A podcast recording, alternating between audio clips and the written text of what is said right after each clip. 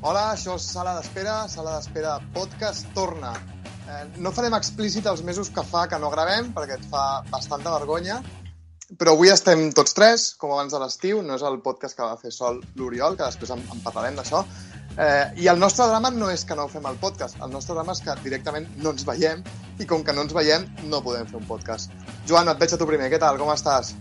Mm, com sempre, lleugerament millor, lleugerament pitjor, eh, i, eh, i canvis imperceptibles eh, amb el meu entusiasme. Tant per cent de bé, tant per cent de malament? Sí, un 1% bé, 5% malament, segurament. És, és la forquilla. Molt bé. Oriol, tu què tal? Diré que bé, per mandra d'explicar més coses. Ai, t'estic dient Oriol. Molt Sí? poca gent et diu Oriol a tu. És que si em, si em dius Oriol Amat com el rector de la UPF, el neoliberal aquell convergent, pues anem malament ja. Hòstia, és veritat, és veritat. Qui és aquell Oriol Amat? És, li diuen Oriol, aquell no li diuen Uri. Per això em faig dir Uri, em diré Uri fins que em mori per culpa d'aquell pavo. Ja, però em flipa, perquè tu a més tens el, el teu correu és... U... Bueno, no diré el teu correu, però, però el teu Hòstia. correu... No, no, Quasi, ui! el teu Oriol, correu... Oriol, Oriol Amat, És Oriol Amat, 69, arroba yuja. No, però el, te- el, teu, el, teu, el teu Gmail té la paraula Uri directament Sí. posada. Mhm. O sigui que has, has adoptat una militància cap a Uri. clarament. Sempre. Sí, no, no m'agrada gent que em diguis Oriol. Vale, doncs, Uri, com estàs, tio? Molt bé. Tu? Jo bé, tio, vaig fent, vaig fent molt de curro, però, però bé. Bé, teníem aquí apuntat... Nosaltres estem fent avui el podcast, hem estat molts mesos sense fer-lo, però no és el primer intent que fem de podcast, llavors hem anat apuntant coses al guió, i en un d'aquests guions que es va fer, vés a saber quan, tenia que apuntat que el Joan anava a un correllengua, que és una cosa que em va flipar, que és, encara existeix el puto correllengua, tio. Sí, vaig anar, vaig anar al Correllengua d'Olesa un cap de setmana a presentar, bueno, a presentar el curset, el llibre aquell que he fet de català, en format concurs, que és el concurset. I llavors és una cosa molt boja que fem preguntes a bueno, concursants i deliris, monòlegs delirants sobre llengua catalana i tal. Bastant bé, era el segon cop que ho vam fer. I vaig anar a Olesa amb, amb, i um, vaig fer el concurset en un escenari i um, a darrere hi havia una estelada um, um, o sigui, amb, amb l'estrella roja, vull dir, de les, de les bones, De les bones, de les de les bones. bones, i semblava que estàvem fent un acte de terra lliure. Eh, els concursants van ser l'Uri i el Manel Vidal, i la veritat és que els va fer bastanta gràcia en, en l'escenari. I, i res, el segon cap de setmana vaig anar a Flix a presentar el concurset, el curset, només no concurset, i va, també era correllengua, que és el que em va flipar. Jo pensava que el, que el correllengua es feia, era una llengua que corria i cada dia es feia un lloc diferent, però no, es veu que durant dos o tres caps de setmana es fa a diversos llocs simultanis. No és la Una flama, pre- una pre-. No, no, no va Hòstia! d'un lloc. Hòstia, ho anava a dir jo. Dic, el correllengua té alguna a veure amb la flama del Canigó? No, no, no, oi? Jo crec que no. Vale, no, vale. La, a part, la flama del Canigó té un rotllo països catalans, no? Entenc. Tinc Sí, puta co- sí, però el Correllengua no és de Societat Civil Catalana, que ara també. Sí, però no és una reivindicació tant de país, no? Entenc. bueno, de la, sí, home, déu nhi de llengua Sí, i eh? tal, sí, sí, home, sí, sí, sí, sí, tant. tant. Clar, és que jo això havia, en havia muntat a la uni, clar, fa, fa 15 anys que muntaves una botifarrada, no? Eh, botifarrada per la llengua i un concert de Pirats un sistema. Sí. A mi lo de, lo de correllengua em sona a passapalabra, com un concurs. Clar, absolutament, absolutament. Bueno, i, Joan, i com va anar el Correllengua de Flix? A Correllengua de Flix hi havia uns, uns, bueno, uns actes determinats, um, dos o tres, un d'ells era el meu, i un altre acte que, és, que s'estava fent era una, un homenatge als flixancos deportats als camps nazis. Ojo, de Mauthausen, que, Mauthausen i, i altres, que són exactament 10 flixancos que van, que van um, deportar als, als camps nazis. Un d'ells, el meu besavi, cosa que no sabia, i um, l'acte consist... Bueno, dir, un del- un dels actes era pues, parlar d'aquell- d'aquelles 10 persones que van ser portades allí i, um, i posar unes plaques daurades a davant de les cases on van viure, de manera que davant de casa, el que era casa Montsiaios, que ara s'està fent la casa ma germana, hi ha una placa daurada on hi posa Joan Ferrús deportat i assassinat a Mauthausen. Ah, sí, Us les, les, aquelles plaques, les de terra, no? Bueno, que és com un... Com, com un d'això que se li tira a la policia. No, no és una placa. Un llambordí, un llambordí. Un llambordí. Sí, un llambordí daurat. I posa això, Joan Ferrus i Costa, que no soc tal, és deportat i assassinat a Mauthausen. I un moment molt àlgid del, del tema eh, va ser quan a la, a, la, a la plaça Major de Flix, que Major de Flix us podeu imaginar que és um, una, una, una L'habitació font, de casa. pràcticament. Sí. I um, estava fent un acte, estava fent un, va fer una mena com de, com de pregó, Vicenç Villatoro, que no sé per qui collons és com, és com um, secretari general de assassinats catalans, de... Espera, espera, espera, espera. Vaig a fer un ja. I una mica sionista. És el que anava a dir, és el que anava a dir. És, és, de, és del grupet aquest, de la Rahola, o del, Exacte. O, del, o del mot aquell, el mot aquell de, de Brighton, que és com el tio més fastigós que ara hi ha a Catalunya. Com es diu aquell paio? Eric Herrera, L'Eric Herrera, sí. Sí. que és el president del grup, no recordo com es diu, d'un grup d'ultraliberals. Sí, el Sí, estan- Oldstrom aquest. Sí, exacte, exacte. diu. pues tota aquesta penya són, bueno, sempre han sigut el Collano també, com el, Sí. el gran lobby Sí. de, de Catalunya. Exacte, sí, sí. I el Villatoro la és un d'ells, és un, clarament d'ells. Llavors, clar, eh, per ell és com una festa major quan hi ha... Sí, però he de dir una, he de dir una cosa. A l'embalat. Cap, cap, cap dels deportats de Flix eh, era, era, era jueu, eh? Vull dir, només van Clar, estar... lògicament. Cap, cap d'ells. Vull dir, jo estava en la, en la meva parella, que sí que és jueva, que casualment cap dels seus besavis ha mort a mm, per la qual cosa ha, ha estat donant moments molt divertits a casa. Eh, va descobrir que... Es nos van, han es van a- sí, amagar bé. es van amagar bé, sí, sí. I, I la cosa és que durant l'acte, de bastant solemne, de vermut, també s'ha de dir, de, i s'estava Vicenç Villatoro parlant, a la plaça Major va treure el cap una persona d'ètnia gitana i va cridar Viva Espanya, viva Vox per la finestra. Que vaig pensar, vaig pensar ostres, xaval, vull dir, eh, a mi se'm va escapar el riure, però clar, vaig pensar, és que eh, segurament, si, si, si, si, i viva Hitler, clar, i si Hitler estigués aquí ara mateix, segurament aniries més aviat tu al camp de concentració per Gitano que jo per, que per Freixango, perquè realment, vull dir... Bueno, estaria, havia- estaria allà, allà, eh? Ja, però eh, Flix era, era, era per, per, per, per haver col·laborat o per haver... perquè els vinculaven amb, amb, amb, amb, amb republicans i hòsties així, dir, els va enviar al franquisme i tal. Només això. Um, um, ara tinc um, un avantpassat mort, uh, assassinat a Mauthausen i uh, sí, estic instituït de um, certa superioritat moral um, a l'hora de um, proferir certs acudits. I, Cosa a- i a més, i et, et pots ofendre si fem, no? Sí, puc ofendre'm. I una cosa, has dit que, has dit que la teva parella és jueva. Sí, tot i que això... Estàs segur que vols entrar aquí, Uri? Sí, sí. No, Anna, ho dic perquè si la teva parella és jueva i no ha mort ningú de la seva família a Mauthausen i tu no ho ets i sí que tens algú mo- mort a Mauthausen, quan vas a casa la família política et deuen treure allà amb ombros, no? Quasi? Eh, sí, jo lo, lo, de la, lo de la camilla i tal potser, potser no desenvoluparia, si ho pots una mica, Vale, vale. però, però, però t'ho explico, Uri. Eh, bueno, les famílies porten a matar i és, i és jueva, però no, no és sionista. I, Home, ja, ja m'imagino. i, I a casa seva són jueus, però no són practicants. Vale. I, i, i son pare no ho és, per exemple. Se'n va a la part de sa mare. I a més a més que això ho he descobert fa, fa dos caps de setmana, jo, la veritat. Molt bé, bé. doncs, doncs jueus a, a part, eh, el següent punt del guió és l'Uri va fer un podcast sol, Mm. que és com la cosa més graciosa que hi ha en aquest guió, que és, eh, Uri, com va anar a fer un podcast sol, absolutament sol? Bueno, eh, jo vaig veure que, que amb vosaltres tinc molt de talent desaprofitat i llavors pues, tenia uns temilles sueltos i vaig decidir pues, que havia de, de treure... Havia d'anar amb solitari, tios. E- És així. L'etapa l'Urrit. Sí, Bueno, jo, jo crec que ha, ha agradat, no? A pesar Sí, estava de, molt guai, de, estava molt guai. De la meva... De la meva veu immunda i escanyada, els temes estaven bé. Sí, Molt estava bé, molt bé. Va El ser una passada. el tio realment pilo- pilotava, bueno, pilota moltíssim. Clar, clar, si l'hagués hagut de fer jo sol, així tipus stand-up comedy, no l'hagués fet, clarament. Hòstia, molaria que ho provessis un dia, tio. Sí, Hòstia, un podcast sol, seria, però sense convidat. Seria eh, eh, literalment sonrises i làgrimes. Exacte, exacte. Aniria pujant i baixar. No? Vaja.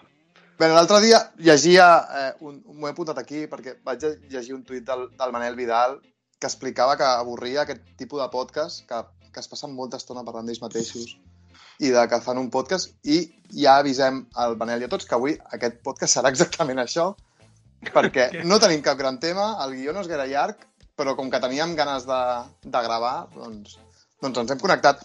Llavors, com que no tenim guió, o no tenim gaire guió, i hem de guanyar una mica de temps, eh, abans de començar amb el primer dels temes que, que parlarem avui, eh, vull posar un tema, ok? Eh, no sé si us recordeu, vosaltres no en recordeu del Sadaiós? Joder, tio, clar Sí. que ens en recordem. Bueno, aviam, Sí, van sí. fer un disc que no va escoltar gaire gent, Uri, tampoc. Però es va, no es va declarar a la seva nòvia Hòstia, per casar-se amb un concert. veritat. Hòstia, és veritat. Estàs, estàs obrint una caixa també aquí, Uri.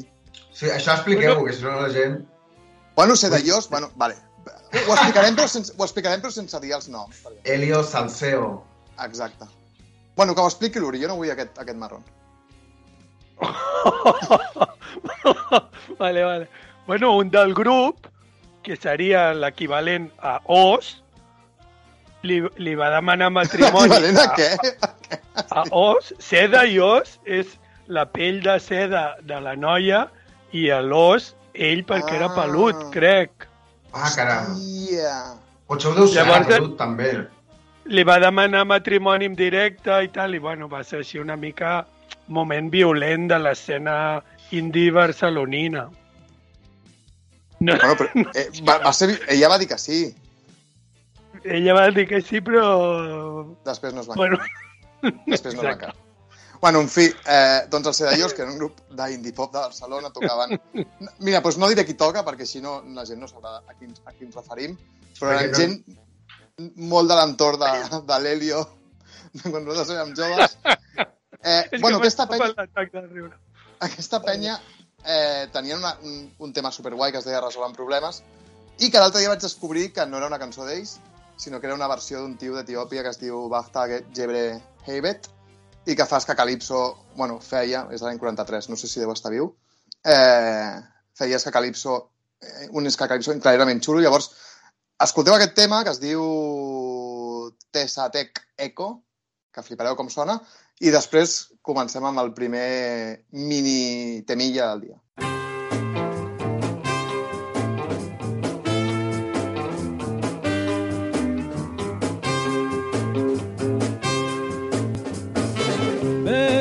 በፍቅርሽ ሰንሰለት ታሰረና ልቤ? በፍጹም አቃተኝ መናገር አስቤ። አንቺን ሳስታውስሽ እንባዬ እየመጣ እህል ውሃ ጠላሁ ገባሁ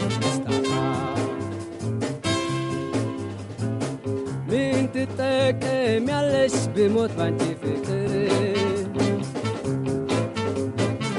هي أبرن النهون ما من تاتشي كري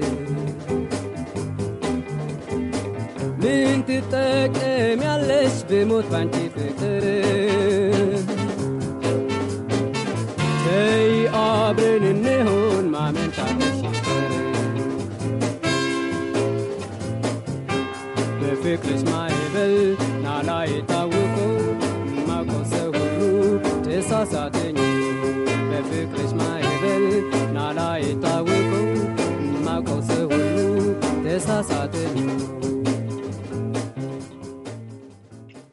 Doncs resulta que l'altre dia escoltava eh, un podcast eh, d'una entrevista que al, al Manuel Javois, en el, en el periodista, el columnista aquest del País. No sé si us agrada a vosaltres el Manuel Javois.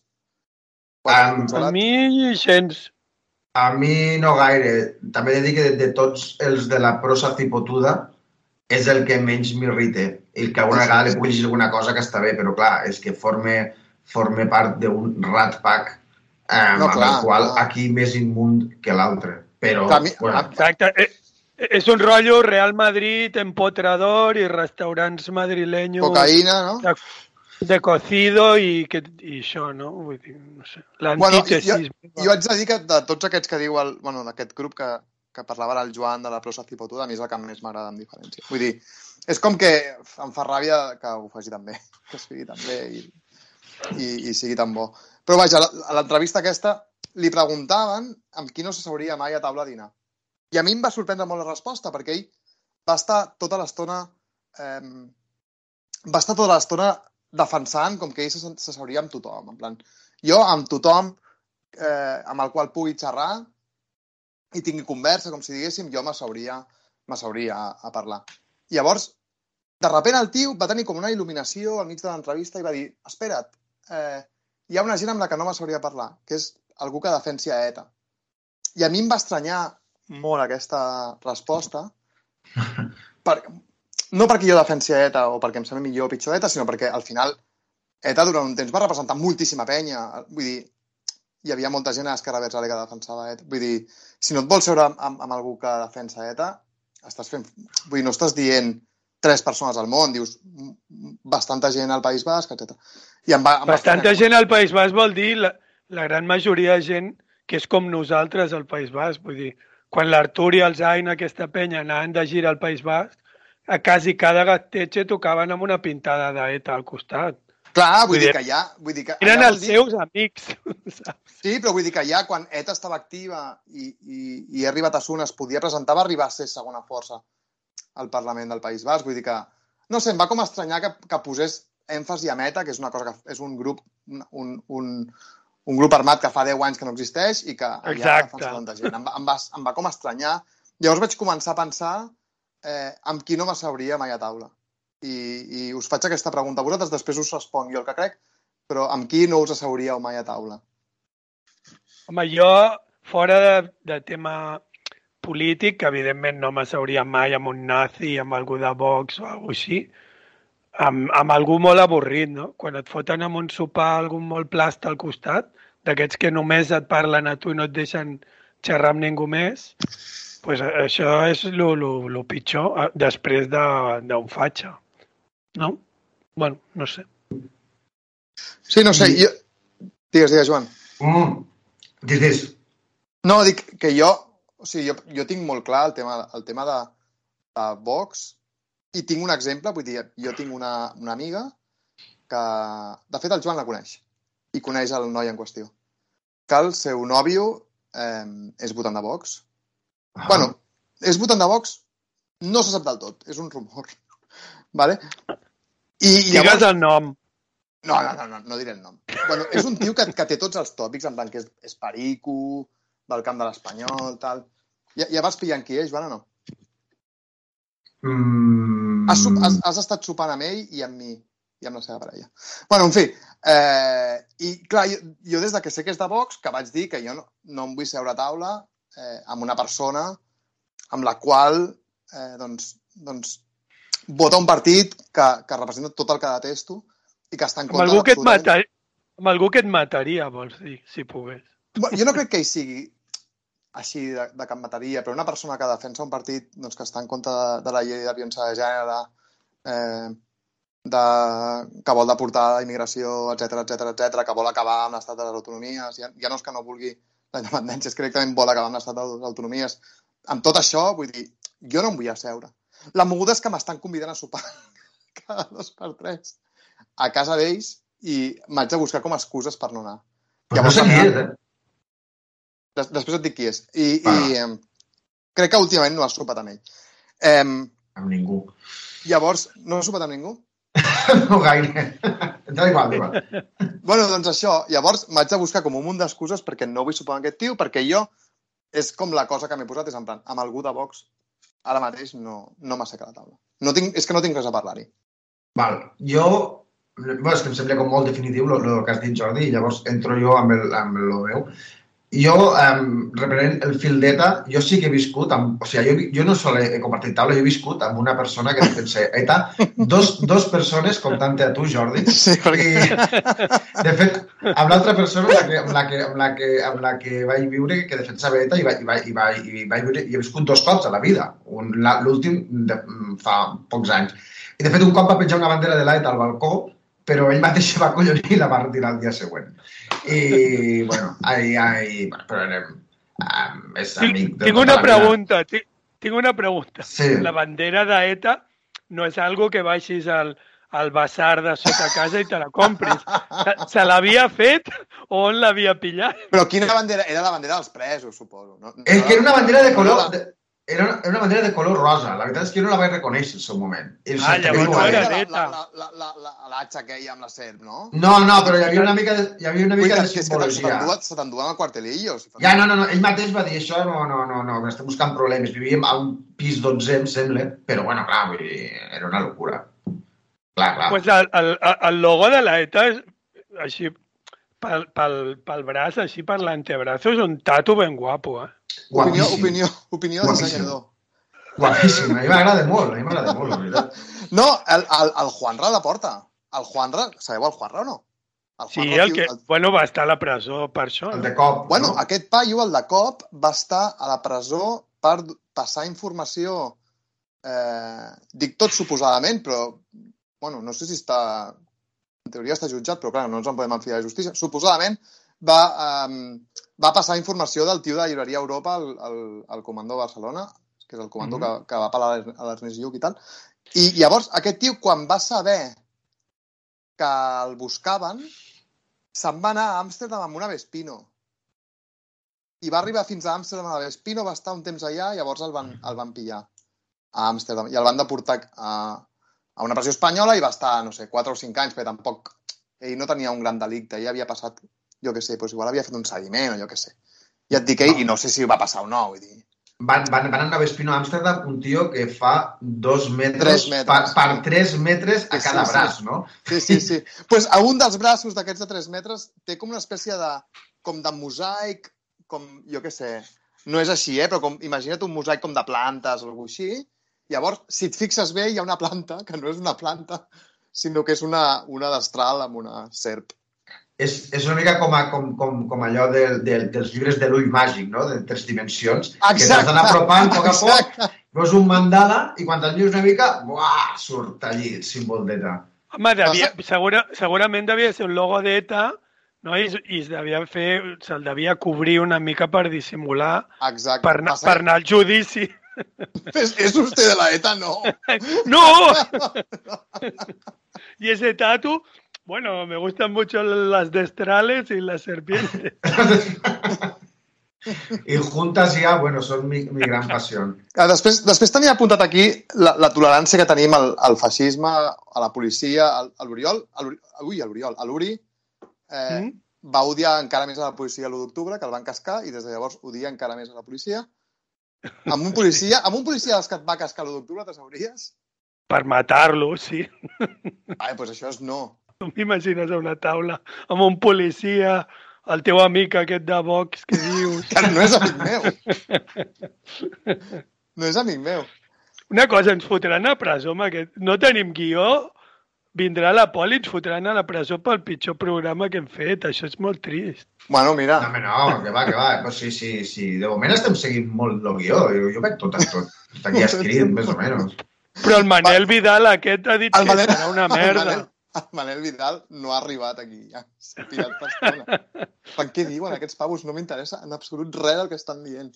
El Massagran no sé què, no? Massa A, gran. a, a Twitter es diu Massagran, no? Jo què Sí, sé. és una, és una, una, una conya que té, um, com jo em dic unicorns jonquis a Instagram, vull dir, és com massa nagranaires, cosa que és per massa gran, pel, pel personatge. Hòstia, jo era, Ah. era superfan del Massa Gran, jo. Jo no m'agradava gens. És una mica racista, eh? Sí, és el, que, és el que anava a dir. Crec que era el segon volum, que anava a, un, a una tribu i tal, i era ultra racista. Massa gran i els nyordos, i anava a Cornellà.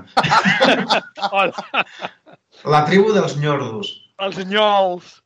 Ostres, l'altre dia em va passar eh, que vaig, vaig penjar un tuit um, d'un tio a la biblioteca de Rius Taulet, ai, de Rius Taulet, de, de plaça de Ceps, que jo vaig arribar, era un dilluns a les 9, La Fusti, la Fust, sí, exacte, que és Jaume Fuster? sí. Doncs vaig anar a. Jaume Fuster un dilluns a les 9 i eh, hi havia un tio assegut als ordinadors amb una bandera espanyola posada en format capa, com si diguéssim. Mm. Ah, sí, ho vas penjar a Twitter. Exacte, i ho vaig penjar a Twitter. Quants després- pubs vas tenir? 2.000 o 3.000? Sí, sí, milers i milers. La història és que clar, tio, després va escriure una, una, em va escriure una bibliotecària dient que, pues, que aquell tio no estava bé del cap, que era una cosa evident que no estava bé del cap. Ja. Però, però hauríeu de vist els comentaris de la penya, tio. Els vaig veure, els vaig veure. I jo també. Els nyordos que fan a la biblioteca si no saben llegir. Estan fatal, la penya. És increïble, és increïble. Sí, sí. També ets de dir que vaig tenir, o sigui, vaig tenir com aquesta reacció. O, o sigui, em va saber molt greu pel paio, perquè el, el, jo no ho vaig posar com una cosa com per a riure me'n sinó perquè em semblava curiós. Vull dir, ho hagués posat exactament igual si hagués anat amb una estelada. Um, però, però clar, tio, em va saber greu després, en plan, hòstia, que tothom s'està rient d'aquest paio, jo què sé, tampoc cal dir-li retardat mental i tal. És que tu Tot que- t'estàs tor tornant una mica espanyol, eh? Veig, Jordi? Jo, per què? Jo quan et vaig conèixer eres molt més radical i ara inclús eh, off the record, quan encara no gravàvem, has defensat a, a, a aquests de Radio 3 que van fer aquests, aquestes bromes imitant els catalans i dient-lo de Netflix i això. T'estàs tornant nyordo? M'estic enjordant? És possible que m'estigui enjordant? Una mica sí, eh? No sé, jo, jo d'això d'això de, de... Bueno, ja n'hem parlat, eh? però això de, de la ràdio, simplement, em sembla que és que han fet uns acudits que no els han sortit bé. Ara, que ells, que ells pot ser eh, tinguin interioritzat a l'acudit del català eh, com una cosa despectiva, com nosaltres, per exemple, teníem l'acudit de l'EPE o jo què sé, invento, eh? Algú així, això no et dic que no, però en aquest No, però- cas concret, bueno, se n'en foten de l'accent, bueno. Sí. No, Am... Des de Juli. Bueno, que no estic d'acord. És, és el tema aquest de que ells els hi fa gràcia, per exemple, que, que eh, Die Hard en castellà no els hi fa gràcia que es digui la jungla de cristal. Però no els si hi fa diu- perquè és el seu dia a dia. En canvi, en català... Però si no es diu la jungla de cristal, es pixen de riure. Ah, la jungla de cristal. És, és lo, lo, la risa és la que, el nom que li has fotut tu, pavo. Saps? Ja, però, però escolta una cosa. Però això no fa gràcia. Vull dir, a, a, això no gràcia. mereixen, que- mereixen 35.000 tuits de penya dient-li nyordos de merda. Pues bueno, no han estat molt acertats, jo què sé. Sí, però vull dir que no és, no és, vull dir, que no és un... O sigui, que no aniran a presó, no es faran fora la feina ni res. És una reprimenda i ja està. Vull dir, demà ningú Ah. se'n recordarà d'això. Demà tothom a, a, a, a rajar de l'Steven Fort una altra vegada, que és l'únic- l'única constant que, que ens alegre el dia. Bueno, el que, el que sí que, que podem eh, reivindicar és el, el, el, el, el subnormal del que, que això, aquest sí que m'ha fotut de mal humor. Sí, home, i tant, perquè el que sap el que diu i, i, va, Ah. i va, a més fent, vull dir, és un tio molt llest i va fotre el fals dilema de eh, mientras unos luchan para que pongan contenido en catalán, otros em, luchan para que llegue el internet en los pueblos. ¿Qui- ¿Quién es esta gente que lucha para que llegue el internet en los pueblos? Que van allí con, con, con em, que porten routers a la motxilla em, em, endinsant-se per, per, per, per, Per cam- caminols de, de, de Sòria a, a, a, a portar internet a, a, a, a, l'àrea rural. No existeix aquesta gent. A Flix no va haver internet, per exemple. I a part que és Que el mateix, argu és el mateix, és el mateix argument de acaba't la sopa que hi ha nens que, que es moren de gana a Àfrica. Vull dir, Clar. a veure el meu plat de sopa amb els nens que es moren de gana a Àfrica. Clar, clar, clar. És que en això és com... Acaben la coca, que hi ha nens que no es poden fotre coca a Àfrica. És que, clar, és, com, és molt Coca de absurd. llardons. De No, no, coca de, de colombions. Què voy a dir? Si tú no me miras, yo no sé quién soy. Si tú no me escuchas, yo no tengo voz. Creo que estoy perdiendo el sentido del humor. Si no me ríes la gracia, tampoco me río yo. Tu presencia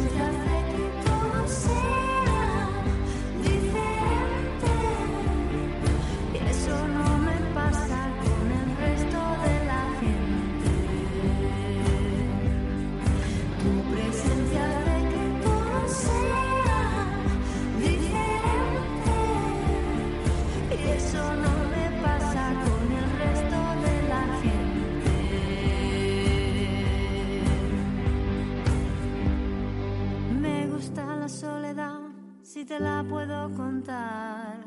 El eco de mi voz, esa mosca impertinente. Entre la multitud me siento así también. Intento reconocer tu cara entre la gente. Doncs avui el que farem serà, com que no tenim un guió llarguíssim i, i el que volíem una mica de treure'ns les, les taranyin, taranyines, es diu, de, Sí. del podcast, avui eh, anirem per feina i, i farem tres recomanacions, una cada un, eh, una mica llargues, i la primera la farà l'Uri, que ens re- recomanarà un vell amic, diria jo. Sí, la veritat és que, vull dir, Vonnegut, bueno, el Kurt Vonnegut eh, és un dels meus autors favorits de sempre. Vaig fer, bueno, jo vaig estudiar la carrera d'estudis anglesos ja de gran, eh, que el dia que va néixer el meu fill va ser el primer dia que vaig anar a la uni i, i vaig fer el, el treball de final de grau de Vonnegut i tal. Vull dir que, que la setmana passada van estrenar un documental sobre el Vonnegut Mm -hmm. que, que, que ha, ha trigat 40 anys a fer-se. Vull dir, el, el director, que com a dada graciosa és el Robert B. Whitey, aquest que surt... Sí, exacte, el que surt al final de tots els memes i tal, pues és ell. El, El de que Kurt havia, of Enthusiasm.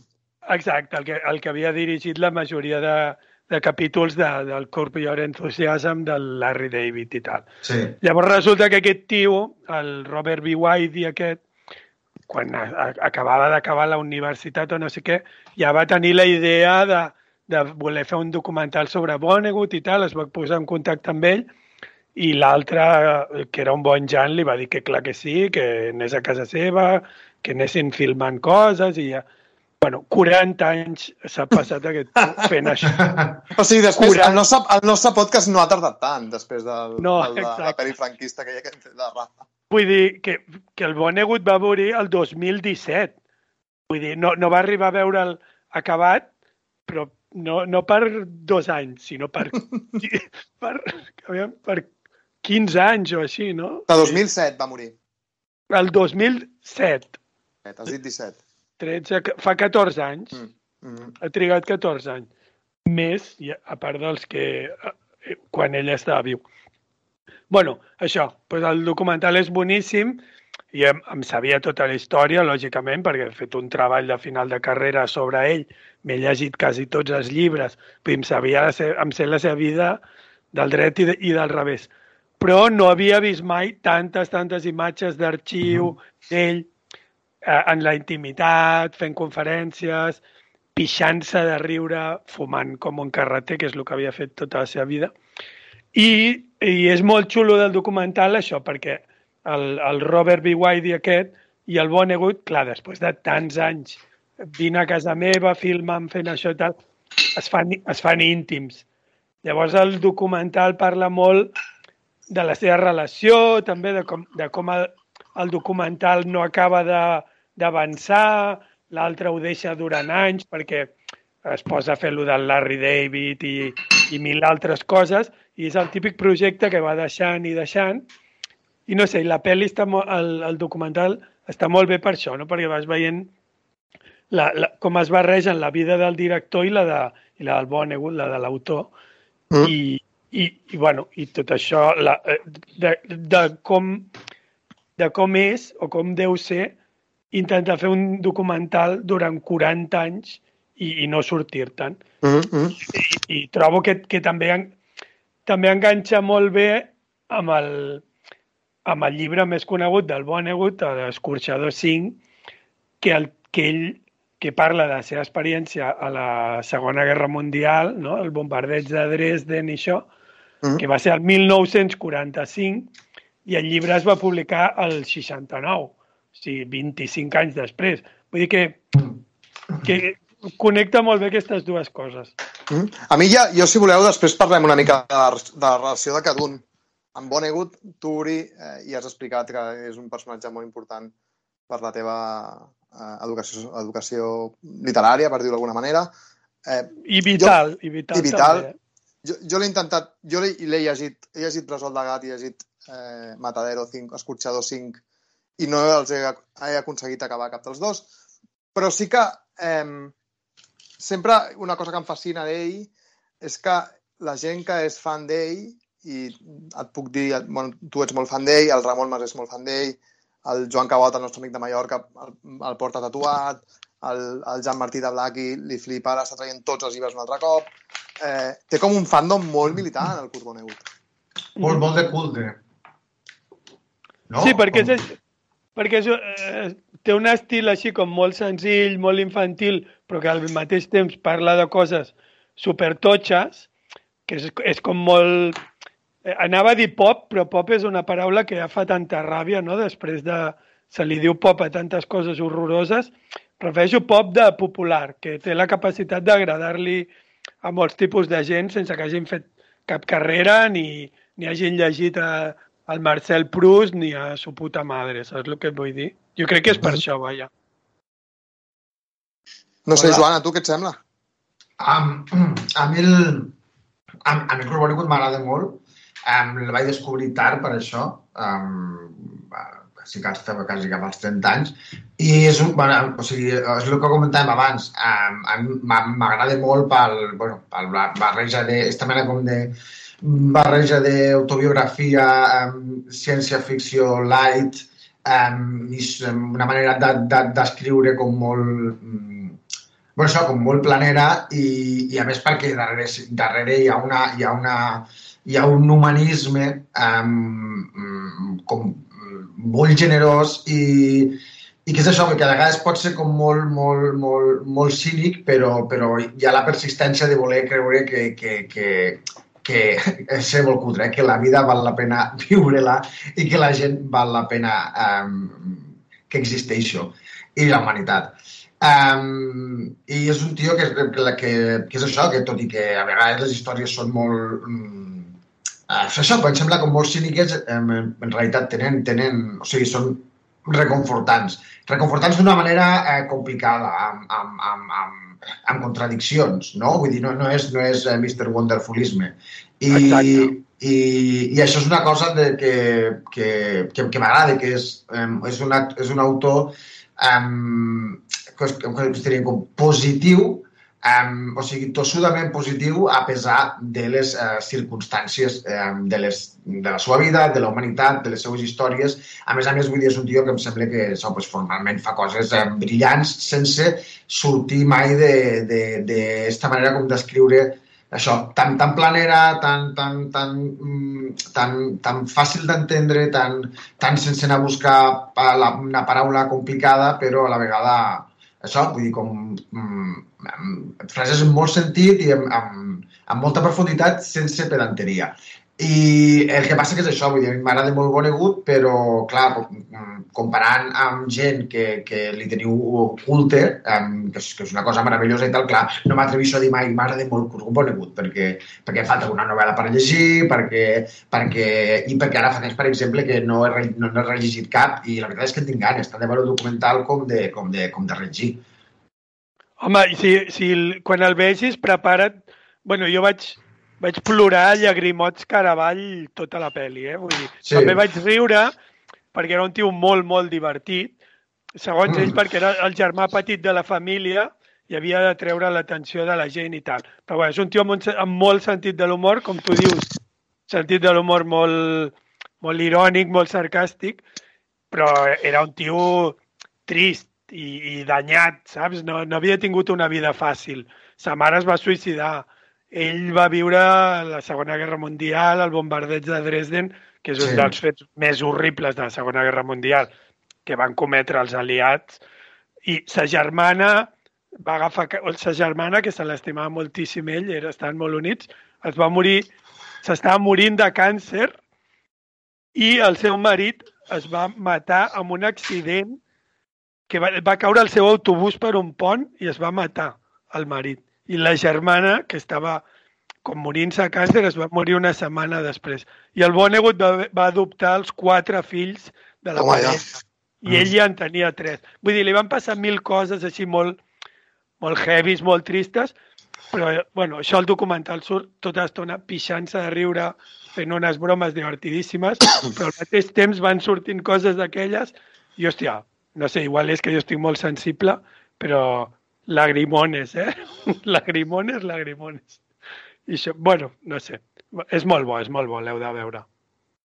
Sí, sí, per descomptat. Quin és, quin és el teu top de, de novel·les del Vonnegut? Uri? El meu... Jo, jo posaria primer Esmorzar de campions, perquè va ser el primer...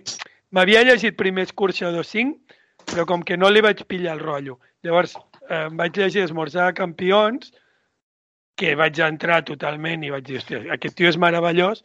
Llavors ja em vaig tornar a llegir Escorxador 5, que amb el dec vaig llegit quatre o cinc cops, he fet un treball eh, mm, llarg sobre això i tal, i després, no sé, potser Barba Azul, no sé, els dos primers eh, Esmorzar campions i Escorxador, segurament. Mm -hmm. Has vist la, la, la, la versió de còmic que han fet, l'adaptació? Sí, m'ha agradat molt, Superbona moltíssim. Moltíssim m'ha agradat. Ja, ja l'has ja llegit? Sí, sí, sí. I li vaig escriure a l'Albert Montells i tot per entrevistar-lo i això pel bloc de biblioteques, però després vaig llegir una entrevista, crec que era al Mondo Sonoro, que mo- molts pocs, molt poc sovint se li dona crèdit, pobres, i, hòstia, tot el que li preguntaven en aquella entrevista és el que li volia preguntar jo i al final no li vaig fer l'entrevista, però estava molt bé aquella entrevista del, del Mondo Sonoro, amb el Montells. Mm -hmm. I tu, tu vas fer aquest, aquest article a, a la, en el blog aquest de les biblioteques, no? Eh, Sí. Per què hem de llegir Corbonegut? Eh, per què hem de llegir Corbonegut? Hòstia, ara ni- ni- me l'hauria de tornar a rellegir. Que, ho busquin, que ho googlesin i ja està. A mi també m'agrada molt Marenit, que també l'ha publicat Les Males Herbes, eh, traduït Sí, pel, pel Martí. Sales, que és un, és un... Veure, és complicat parlar sense fer spoiler, però bueno, té un protagonista que eh, va és condemnat a crims de guerra per haver sigut propagandista eh, radiofònic de, dels nazis. Mm, I llavors, bueno, és, és, hi ha alguna cosa més, o sigui, ha un, o sigui, és una com les confessions del personatge i bé, hi ha, una, hi ha, una, hi ha, hi ha un gir a, a dins que te l'humanitza i que és brillant i a més a més eh, l'altra cosa que m'agrada molt d'aquest llibre és eh, la història d'amor que hi ha entre ell i la seva esposa que, que amb la qual, bueno, si no recordo malament, que no es poden comunicar perquè en aquell moment està, està, està, està engajolat i eh, a mi em passa que amb les històries d'amor eh, eh, no és que no cregui en l'amor ni molt menys, però sí que, sí que trobo que a vegades eh, se li, té una presència eh, massa totalitària a, a l'art eh, popular i, i elevat, eh, o sigui, a totes les manifestacions artístiques. I la veritat és que molts cops mm, mm, sobre una mica, però eh, m'he de dir que la, la de Mare Nit eh, és, com dèiem, és una cosa tendra, és una cosa senzilla, és una cosa sentidíssima, que, que, que, que pues, m'arriba a molt a la patata i que, i que em fascina. Em fascina com... com, Puc, com, puc, fer, com... puc fer un, in- un incís sobre Mare Nit? Sí, clar. Saps que se'n va fer una pel·lícula? Ah, em vol sonar, però no, no sabria... El protagonista és el Nick Nolte, Mm? sí? I saps qui és el guionista d'aquesta pel·lícula? No? Robert B. Whitey. Hòsties! Tot- es, connecta, finalment. Joder. I res, a mi em va passar també com amb l'Uri, que eh, amb Escorxador 5 el vaig llegir amb unes ganes tremendíssimes i la, la veritat és que no li vaig pillar el rotllo i no, no em va agradar gens i, i el vaig com oblidar de seguida. I, i l'he recuperat anys després i, i m'agrada molt. Però el primer, el primer, però jo crec que a vegades passa amb la música i amb, i amb llibres i amb Sí. tot de coses Sí, a mi, no a mi, a la mi primera. últimament No passa m'ha res. passat, m'ha- m'ha passat amb Fante. O sigui, amb Fante Sí. he hagut de tornar a llegir-ho per, per enganxar-me. No, va- no vaig entrar al principi. A, a mi en Fante m'ha passat que mai he acabat d'entrar per culpa de, de Bukowski. Més que de Bukowski, que tampoc és que el tinguem molta, molta mania a Bukowski, és pels bukowskians. Ja. Però bueno, en Ja fi, passa. eh, estem embolicant en coses ja. Vale, doncs, doncs acabat... Bueno, on, on podem veure aquest documental, um, Uri? Uh, M'has dit que, que només no està ni amb subtítols en castellà, ni no ho estem posant gaire fàcil, això, no?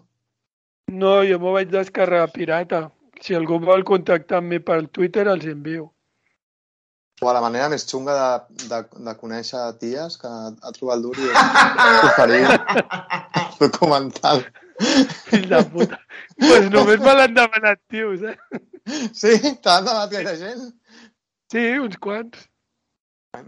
Vols vir de casa a fer l'última i a mirar un documental de Kurt Vonnegut en blanc i negre? Calla, calla. No entrem, en aquest tema. no entrem en aquest tema, sisplau. Ho has ofert? Va, Ho has ofert? Només et pregunto això. Jo no ofereixo res, tio. Soc, soc un desastre. Deixem el tema. Doncs pues igual és per això que no va bé. ofereix, ofereix casa teva per veure el documental de Bonegut. És que m'has de fer de coach, tio. Va, tio, ja faig el que puc. Va, Joan, eh, les teves. La teva. Vale, la meva recomanació. Jo fa 15 anys vaig estar iniciadíssim a un servei recopilatori que, he de confessar, era de la Rock Deluxe. Um, I era un CD d'aquells que regalaven i era com d'estil diversos, d'aquells que diríem que s'aixopluguen sobre l'amplíssima etiqueta d'americana, que és pues, folk, country, rockabilly, blues del Delta, tipus Robert Johnson i tal. Eh, Era una, era una passada, eh? Um, a mi em flipava una cançó brevíssima i espídica de bluegrass, o hillbilly, que és com se li diu també, que és una música tradicional nord-americana que està associada als rednecks, o sigui, als paletos, Mm. a, a gent que viu a zones rurals o, muntanyoses, o, munta o, i o muntanyoses. Però especialment el terme hillbilly s'aplica als habitants de les muntanyes apalatges. Són Seria com, comunitats... a, seria com els flixancos d'allà, no? Ah, encara... Seria, seria com es deien aquell, el papet, el, com es diuen aquells? El, El de la botifarra, no sé què. sí, com es diuen, tio? Papet i Marieta... No, Papet i Marieta no. El Mut, el Celio i el no sé què. I el, Mut, el, el, el Kiko, el Celio, el noi i el Mut de. Ferreries, que s'han separat, crec que un d'ells, eh, no sé si, que Oh. va, va, per lliure. Ojo, s'han enfadat. Sí, es veu que sí. Hòstia, jo- ara fan època, època Berlín, cada un o no? Un, un va fer un podcast sol i... Fan, eh, el seu Berlín és eh, a Tortosa. Aviam, eh, les muntanyes Apalatges, eh, sí, dir, a Flix són comunitats estan molt, també molt tancades i tal, però bueno, allí és un altre nivell. Um, i ho dic en enveja. Um, això dic, són com els Apalatges, pues això, són, són um, una economia extremadament deprimida, molt pobre, clans familiars on l'endogàmia era molt comú, i no ho estic dient com un xiste, és que era molt comú, i l'única distracció que tenien, a part de follar entre germans, era la música. Eh, que gairebé tots pares, filles, mares, fills, iaios, tots tocant algun instrument i, i acostumaven a sortir al porxo i tocaven amb els veïns, que els veïns potser vivien a, a, a dos quilòmetres, perquè insistixo que allò és inhòspit, i tocaven instruments de, de folk, eh, com pot ser banjo, mandolina, guitarra, l'harmònica, les culleres, que són literalment dos culleres de fusta per fer percussió, el juc, que és una ampolla de vidre o ceràmica que es va bufar fent... Si és lo dels I- 13 Floor Elevators, no? El Sí, joc. sí, sí, sí, sí. Però I... Exacte, sí, sí, sí, sí, que fa una cosa com així com, com de, de xirrio, eh, xirrio, no sé com és en català, eh, però bueno, ja m'enteneu. I també aquella, aquella cosa tan divertida que és com de rascar una mena com de... Uf, boníssim. De coses Boníssim. Una raspades. que fan taula, xic, una, xic. ta Sí, una taula de... A, això a l'escola sempre t'ho feien. Vull dir, quan anaves a fer música sempre hi havia aquest instrument i era, deu ser molt barat.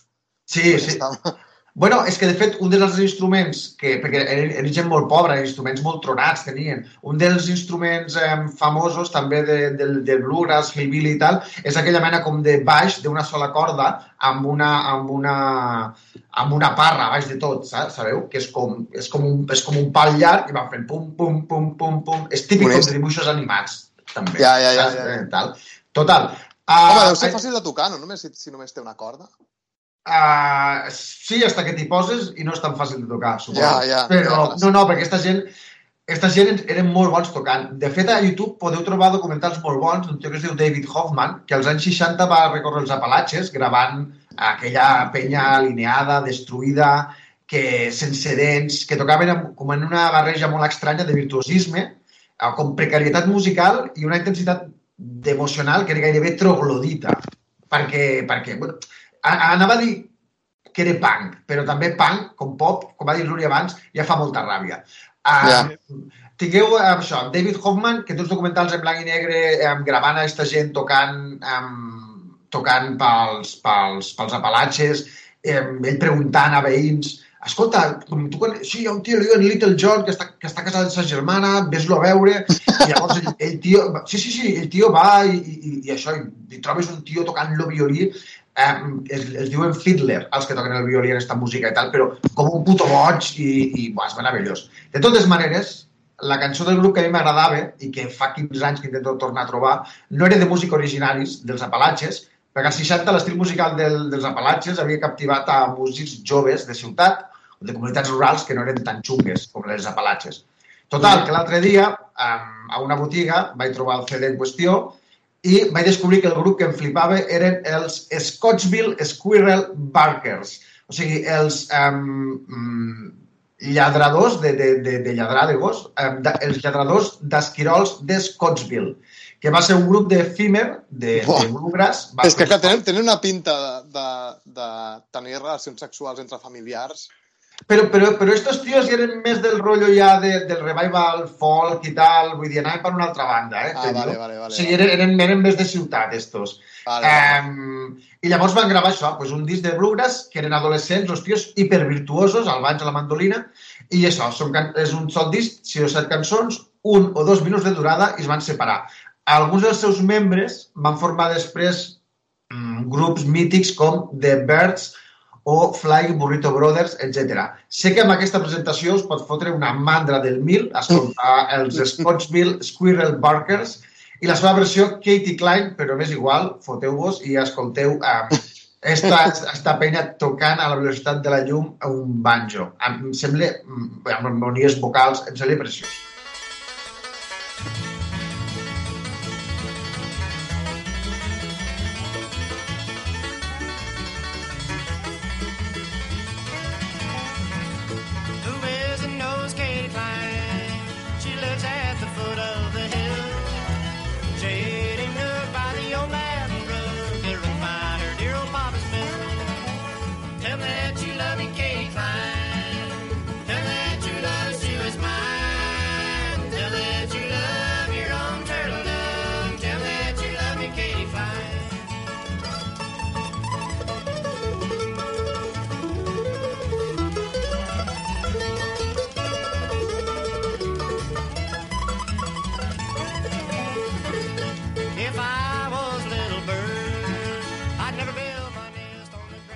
Vale, ara que hem sentit eh, aquesta versió de, de Katie Klein, eh, pensava en recopilatoris que m'hagin agradat i no...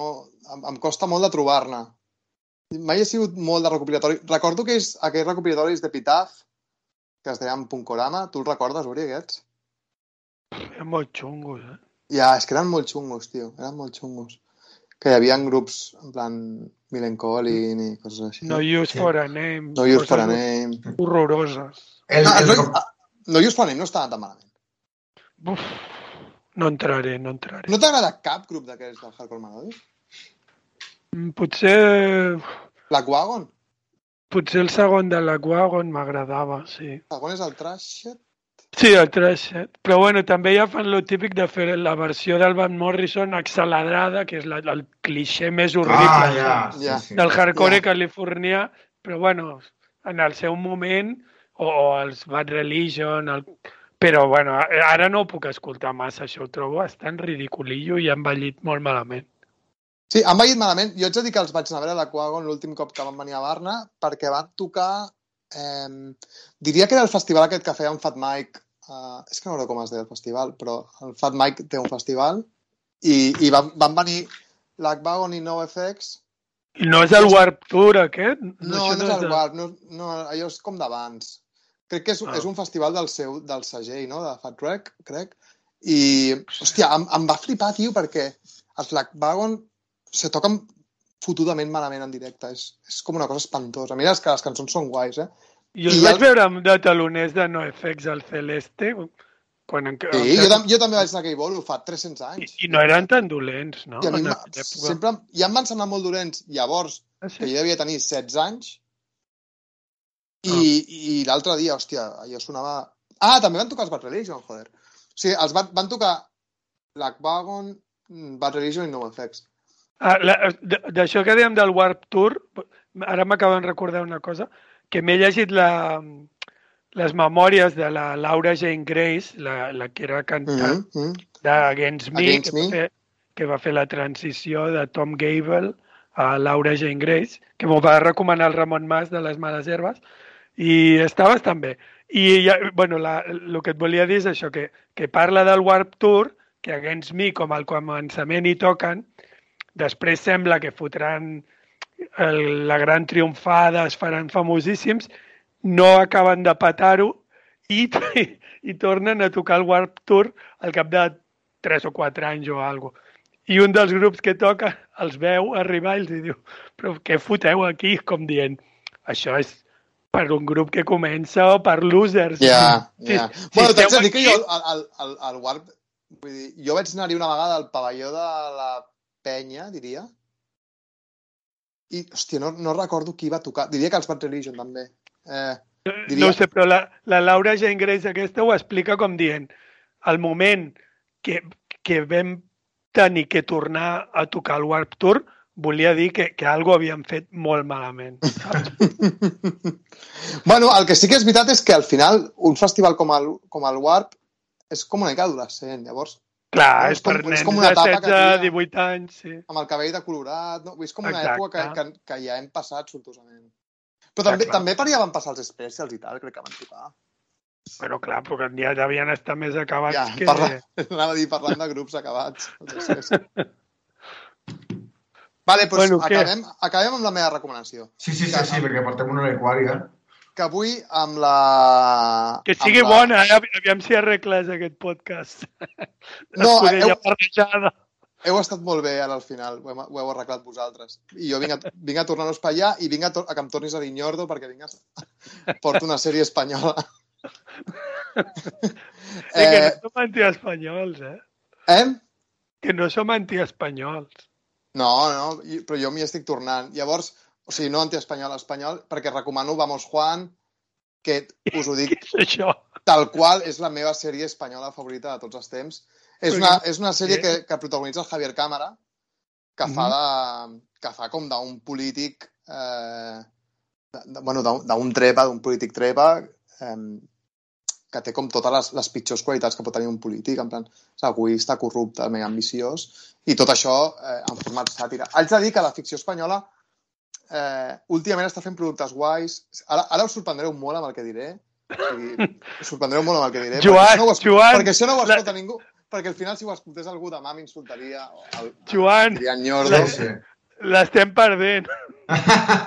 No, però és cert, no. eh, Hi ha, hi ha ficcions guais. Crematorio és una sèrie que ja té uns Ah, anys, sí, però clar. és collonuda. Després, Hierro, que l'he vist últimament, no està, no està mal. Però el que millor es fa és la comèdia, i ara tornaré a ser molt polèmic, eh, perquè la sèrie d'Alberto, per exemple, està guai, però vaig a parlar de Los Javis, que, que segurament són els personatges més detestables i els tios que Però- foten ràbia, més ràbia a tots els temps.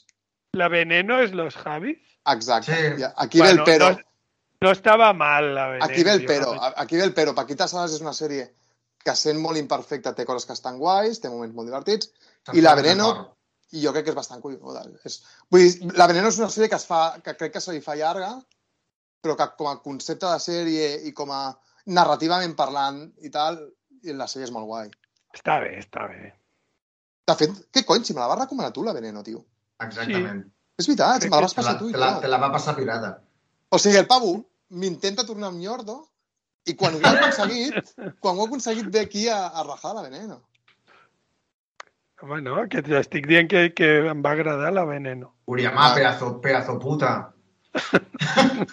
Ah, és boníssima, tio. Bueno, en fi, que Vamos Juan és millor que totes aquestes. O sigui, Vamos Juan és, és meravellós, és això, és, és, ressegueix la vida del Juan Carrasco, que és el, el Javier Cámara, que està increïblement bé, a part és un tio que em cau superguai, eh, que el Juan Carrasco és un polític de Logroño, que ningú, és com el, el típic cas de que ningú sap com, però el tio ha acabat sent ministre eh, quan és un paio amb el que tu parles i et sembla un, un tio mig retarded.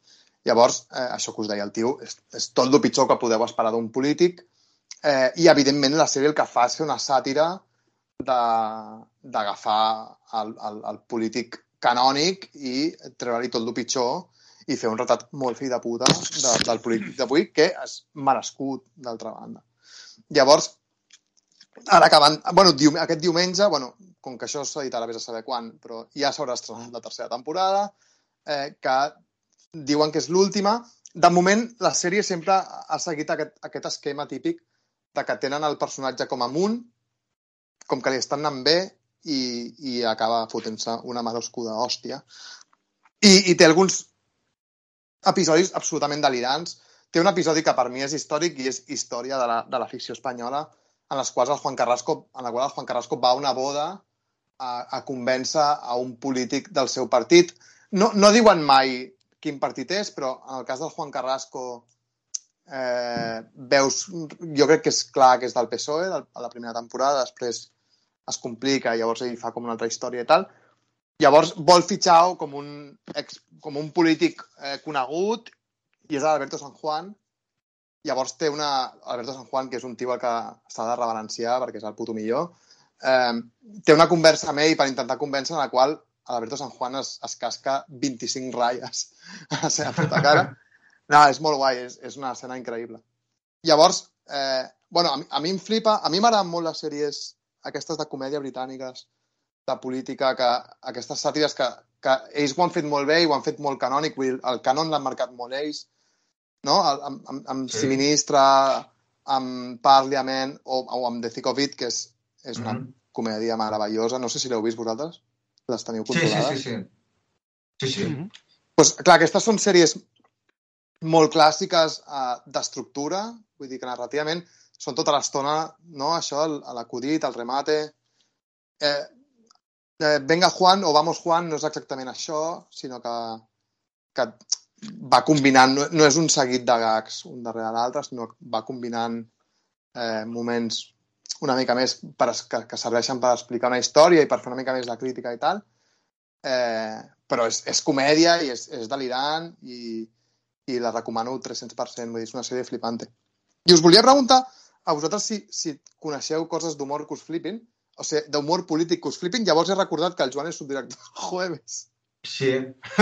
que, que, clar, evidentment no és una cosa audiovisual, però el Joan es dedica a fer humor, eh, sàtira política, i, i una cosa que em preguntava és per què aquí no hi ha cap tradició de sàtira política a nivell audiovisual quan la sàtira política té tradició a, a, pues, a la revista El Jueves, al Papus, etc. o, o, o a, inclús a nivell de tele, al Vaya Semanita, al Polònia, inclús programes com l'Intermedio... És com que hi ha una tradició de sàtira política que no s'ha traslladat a l'audiovisual o a la ficció.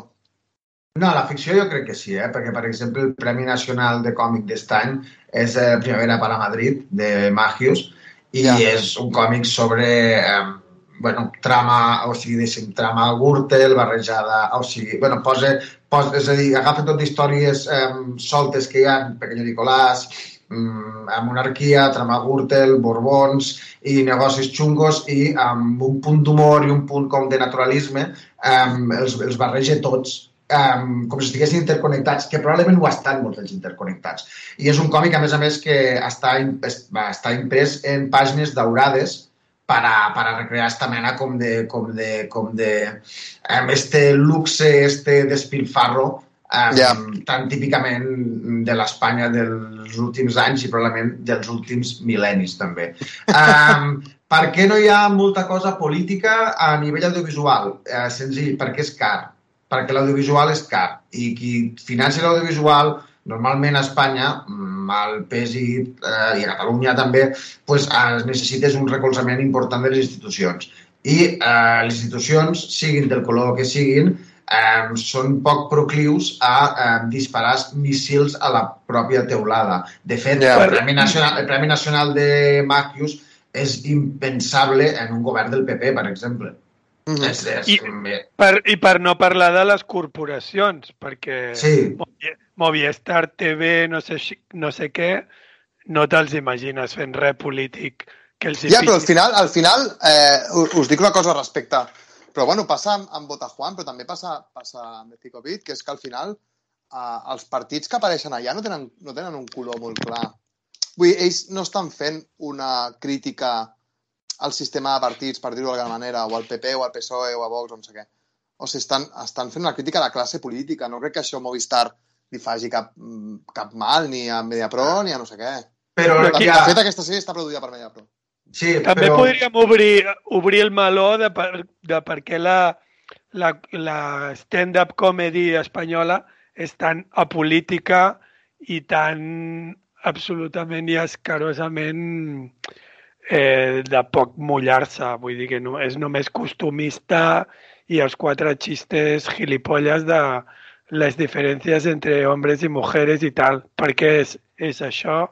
No sé si volem obrir aquest meló. Bueno, és que, bueno, no sé si el volem obrir o no, però sí que tinc un matís a dir-te, que és que eh, i ara torno a la meva vessant de, de, de Merda. putespanyisme, que, no, no, putespanyisme, que és, que és que realment els tios que estan sortint aquí, els tios i ties que estan sortint aquí de stand-up són pràcticament tots bastant polítics. Vull dir, si, si tu escoltes un monòleg de, de la Maria Rovira i de l'Anna, són clarament polítics, són clarament Mm. mm. feministes. Quan escoltes un monòleg del Joel, del Marc Serrats, del, del Manel... Ah, jo, jo he dit espanyol, eh? Per això, per això. Aquí llanço, Ah, un, vale, un, vale. llanço una llança... Eh, Ah, sí, sí, jo aquí, aquí diferenciava entre Espanya i Catalunya. Però sí que és veritat... I, O puto Roger Peláez, joder. Roger Peláez, exacte. Mhm. que, que ara mateix el, el, els humoristes mainstream d'aquí són pràcticament eh, polítics. Sí, sí, per això guai. mola més. Sí. Sí, sí. No, no, és absolutament, és una cosa que a vegades he parlat amb el Moji i tal, que bueno, hi ha una, hi ha una, bueno, una militància, unes ganes de, de mullar en temes que eh, potser a, a, a, a l'àmbit espanyol la gent no es mulla tant, la veritat. Per Mhm. cert, em veu, em, em veu prometre que em portaríeu a veure Josep Català i tots aquests, no? Ah, sí, tu vols veure el Josep Català? Tens com moltes ganes de veure el Josep Català. A més, molt bo, Bueno. Josep. Sí, és molt guai, és molt guai. Bueno, per Twitter em fa moltíssima gràcia, sí. Pues en persona encara em fa més, la veritat. Doncs pues el vull conèixer. Bueno, mola, jo, no- jo no el conec, he, he parlat una vegada amb ell perquè el vaig entrevistar, però eh, fa com... És que és un senyor, és un senyor, senyor, senyor, és com típic tio que no diries, hòstia, aquest paio és un, és un tio... Millor. Millor. No, millor, Molt millor, molt millor. Bueno, crec que hem arreglat una mica el, el podcast al final. Sí, No, a, a, no a mi, veritat, este tema en un altre moment m'agradaria parlar més desenvolupadament, eh? però clar, ara també portem molta estona i no, no tal. Però per un altre dia podríem parlar. De, de rajar Que dels humoristes jo- espanyols. Eh, Sí, d'humor i sàtira i tal, a mi em va, el que passa que... que, Bueno, que... fe- fem una cosa, portem a l'Uri, traiem-lo un dia a l'Uri, el portem allà, Exacte. a que vegi Traie- el català, Traieu el divorciat de casa, aviam. traiem el divorciat de casa. L'altre dia et vaig dir que pareixis de fer el divorciat a Twitter. Tenies raó, jo, jo sí És tens raó, veritat, te la, em para de fer tuits de divorciats. te la dono i punto. Va, que Bueno, estem parlant de, de, de l'humor i de Twitter, puc llegir-vos un tuit que acabo de llegir que m'ha fet molta gràcia? Sí. Diu, si goals significa metas, quiero que me la goals. O sigui, hem, hem, hem començat, hem començat supercunyaus. I hem acabat de lo Ho hem pitjor. arreglat i hem, i hem acabat encara més cunyaus. Eh, bona nit, amics. Fins la propera. Esperem no tardar 5 minuts, 5 mesos més. Adeu. Adéu.